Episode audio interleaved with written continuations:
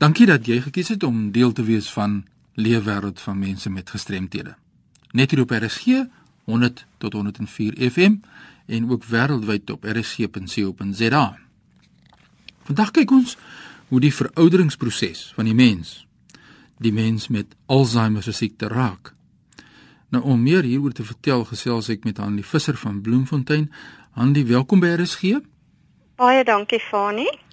Vertel ons eers meer van jouself. Waar is jy werksaam? Uh, Fani, ek werk by Trans 50 Figuurpark Aftreeoos in Bloem, Bloemfontein en ek is die leefstylkonsultant van die oord. Nou, as 'n mens dan nou na die onderwerp terugkeer met 'n agneming van die verouderingsproses van die mens, uh, hoe raak dit dan nou die mens met Alzheimer se siekte? Fani, ons strewe by Trans 50 is om die persoon wat aan Alzheimer se siekte ly te ondersteun deur die verskillende stadiums van die toestand. En ons fokus op die heel mens en streef om ons sin en betekenis in al ons inwoners se bestaan en bewer, uh, te bewerkstellig en dat hulle derentyd ervaar dat daar steeds sin in hul bestaan is. En by Trans 50 werk die leefstylkonsultant en multidissiplinêre span saam om die ouer persoon se bestaande vaardighede, kennis en belangstellings te gebruik sodat inwoners aktief kan deelneem en betrokke te kan wees by alle aktiwiteite vir so lank moontlik om sodoende elke inwoner te se lewe te kan verryk en die leefstykkonsultant hou gereelde kontaksessies en fokusgroepe met die kinders, families en gades van die Alzheimer inwoners om hulle by te staan in hulle hantering van ouderdomverwante en veranderinge en ook die agteruitgang as gevolg van Alzheimer se siekte. En dit is vir ons baie belangrik waar die inwoners se gesondheid van belang is en ons laat toe dat hulle sosiale onafhanklikheid so lank as moontlik geniet en hulle vryheid van keuse word erken en gerespekteer en ons skep ook 'n huislike atmosfeer en hulle privaatheid en menswaardigheid word gerespekteer en die inwoners word aangemoedig en uh in staat gestel om deel te neem aan verskillende aktiwiteite um, 'n groot verskeidenheid toepaslike aktiwiteite wat aan hulle behoeftes en funksioneringsvlak uh, vlakke voldoen en hulle veiligheid is dan ook vir ons baie belangrik. Wat sê jy is die rol van die familie? Van die eerste stap is om te erken in hoe mate die persoon met Alzheimer se gesondheid versleg het en die onvermoë van die persoon om optimaal onafhanklik te funksioneer moet nooit hierdie besluit alleen neem nie. Betrek altyd al die kinders en nabye familielede. As almal betrokke is en hulle opinies vrylik kan uitspreek tydens die besluitnemingsproses, sal spanning en skuldgevoelens openbaar word sodat daar met perspektief en begrip besluite geneem kan word. Sodra daar eensstemmigheid bereik word om die persoon wat aan Alzheimer se siekte ly na 'n aftrede oor te verhuis, met elke familielid se verantwoordelikhede en verbondenheid tot die toekomstige versorging van die bejaarde uitgeklaar en gewaarborg word. Byvoorbeeld een persoon kan verseker dat die ehm um, ouer persoon se medikasie bestel word.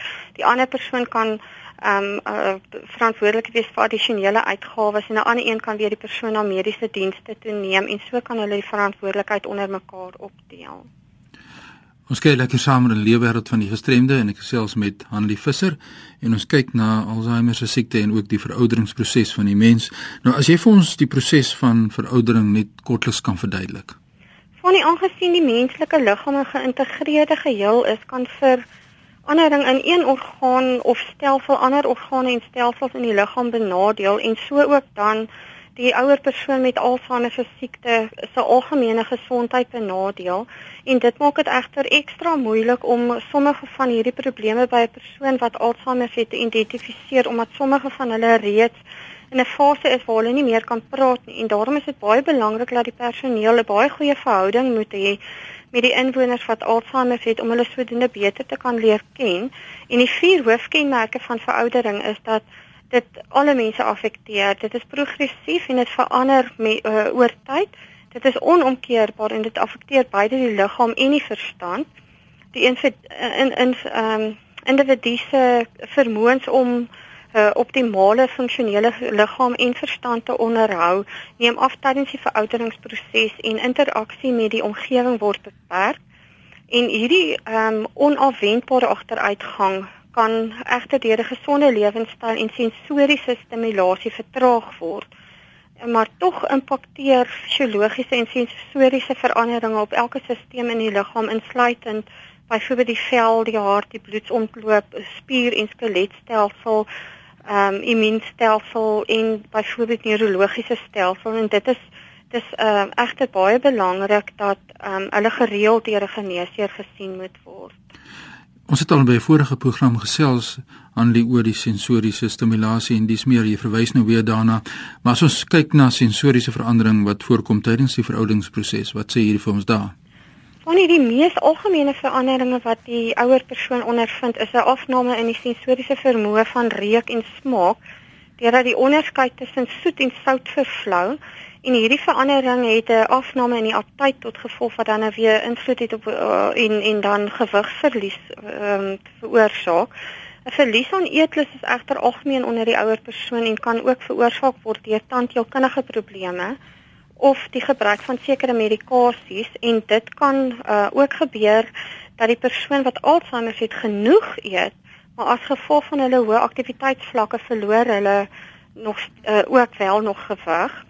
Ehm um, maar 'n uh, afname in voedsel ehm um, kan ook ehm um, dan nou uh, geassosieer word met disfagie. Wat is disfagie? Wanneer disfagie is wanneer 'n persoon ehm uh, probleme ervaar met sluk en die ouer persoon is ehm um, besonder vatbaar ehm um, vir disfagie as gevolg van verskillende redes. Eerstens is die voorkoms van siektes wat verband hou met disfagie soos byvoorbeeld Alzheimer en beroertes hoor onder die ouer persoon as onder jonger persone en in die tweede plek neem die werking van die slukdarm en speekselkliere wat help met die slukproses af met ouderdom en derdens dan um, kan die gebruik van sekere medikasie insluitend pynstillers, anti-inflammatoriese middels, kortikosteroïdes en diuretikums 'n droë mond veroorsaak. Anlie se luisteraar wil weet uh, hoekom val ouer persone so maklik en dit natuurlik ook op toepassing van die mens met Alzheimer, né? Nee? Ja, Fanny. Ehm um, Fanny val is een van die mees algemene en ernstige probleme wat met veroudering geassosieer word in enige ouer persoon. By die ouer persoon wat Alzheimer het, is die risiko nog groter aangesien hulle 'n fase bereik waar tydens hulle skuifel en hulle voete dan vashak omdat die brein nie meer die boodskap kan oordra nie. Die gevolge van val ehm um, kan ernstige probleme veroorsaak, maar is ook dikwels die simptoom van 'n onderliggende gesondheidsprobleem, byvoorbeeld onbehandelde urineweginfeksies kan verwardheid en duiseligheid veroorsaak wat dan ook valle kan veroorsaak. En verandering in visie, neurologiese uh toestande been en spier en kardiovaskulêre stelsels tydens die verouderingsproses dra by tot die toenemende voorkoms van val en dan fanie is 'n afname in dieptepersepsie en die liggaam se reaksie op verandering van postuur 'n belangrike faktor wat in ag geneem moet word wanneer daar risiko vir valassessering gedoen word. En dit is ook baie belangrik om seker te maak dat 'n persoon wat Alzheimer het, die uh, geskikte skoene dra vir my byvoorbeeld gladde sole, bedsokkies, hake, skoene skoene met veters en maak altyd seker dat hulle onmiddellike omgewing vry is van van ehm um, enige rommel of ehm um, enige hindernisse of iets wat vir hulle beserings kan veroorsaak word. En dan is dit ook 'n aanbeveling dat skoonmakers in Alzheimer eenhede meer gereelde rondes moet doen om seker te maak dat die uh, daar nie nattigheid is um, of enige hindernisse wat dan ook valle kan veroorsaak nie. En omdat die liggaam um, se funksies afneem met ouderdom, kan 'n val nie altyd voorkom word nie. Anlie, ons is amper klaar met die program. Die tyd hardloop so vinnig uit. Dis Anlie Visser van Bloemfontein 'n leefstyl konsultant wat met my gesels hier oor hierdie uitdagings en uh, iemand wil weet is baie sensitief, maar as 'n mens nou te doen het met die afsterwe van 'n persoon, wat aan Alzheimer siekte ly en nie eintlik weet wat die persoon se wense was nie. Wat 'n boodskap het jy vir mense in die gemeenskap wat daarmee worstel? Wanneer die dood is 'n onderwerp waar mense nie graag wil praat nie, alhoewel dit onvermydelik is. Ons weet nie altyd wanneer, waar en hoe dit gaan plaasvind nie. Maar die beplanning is baie belangrik en hiervoor is 'n opvoed uh, dit is 'n opvoedingsstaak waarin gesprekke met die ouer persoon gevoer moet word om die diagnose, prognose en die gang wat die siekte sal ehm um, neem as ook die opsies beskikbaar vir behandeling en die uitkoms daarvoor voordat hulle die fase bereik waarin dit nie meer vir hulle moontlik kan wees om met insig daaroor te dink nie. En dit is ook belangrik om die inligting met die versorgingspersoneel te deel sodat hulle kan voldoen in die wense van die en die vereistes van die Alzheimer persoon. En dit is belangrik dat beplanning goed uh uh moet wees uh, en en dat dit goed moet insluit soos byvoorbeeld om 'n persoon te identifiseer wat namens die Alzheimer persoon besluite kan neem uh, vir in die toekoms en ehm um, dan uh, uh, vir besluite soos byvoorbeeld moet die persoon in 'n intensiewe sorgeenheid opgeneem word uh besluite van kunsmatige voeding, hidrasie, chirurgie, um, aktiewe resusitasie en 'n uh, lewende testament moet opgestel word, volmagtigingsdokumente en dit is ook belangrik dat die ehm um, verpleegpersoneel en die dokters ook afskrifte van hierdie dokumente moet kry sodat hulle kan weet wat die wense van die ehm um, persoon is en 'n lewende testament en bykomende dokumente word ook benodig om die persoon se wense uit te voer. En ja, dit is baie belangrik. Hanlie, ons tyd het uitgeloop. 'n Kort boodskapie van jou uh, voordat ons jou kontakbesonderhede deurgee. Wanneer 'n mens moet lewenslank poog om goeie verhoudinge met ander uh, te sluit en voortdurend betrokke te raak by aktiwiteite wat persoonlike betekenis het en 'n doel aan die lewe gee. Suksesvolle veroudering sluit die ontdekking en her ontdekking van intieme verhoudings en betekenisvolle aktiwiteite in. Veroudering raak ons almal en dit is so ehm um, maklik dat ons vergeet van die Alzheimer persoon langs ons en dan raak hulle geïsoleerd. En ek dink dit is ons plig om hulle goed te stimuleer sodat hulle ook 'n sinvolle bestaan en lewe kan hê tot op die einde. Nou dis die mening van Hanlie Visser, sy is 'n leefstylkonsultant by die Figure Park aftree oor daar in Bloemfontein. Hanlie, wat is jou kontakbesonderhede? Wanneer my telefoonnommer is 051 522 6811. Herhaal ons die nommer? 051 522 6811. Ja, weer eens 'n uh, baie insiggewende gesprek. Hanlie, baie dankie dat jy deelgeneem het aan hierdie program. Dankie, Fani.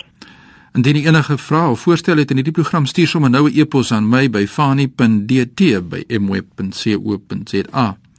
Jy kan ook my volg op Twitter by Fani Dreams of gesels saam deur middel van WhatsApp, Facebook en Skype. Ja, die wêreld het klein geword en so kan ons die inligting deel rakende mense met gestremthede.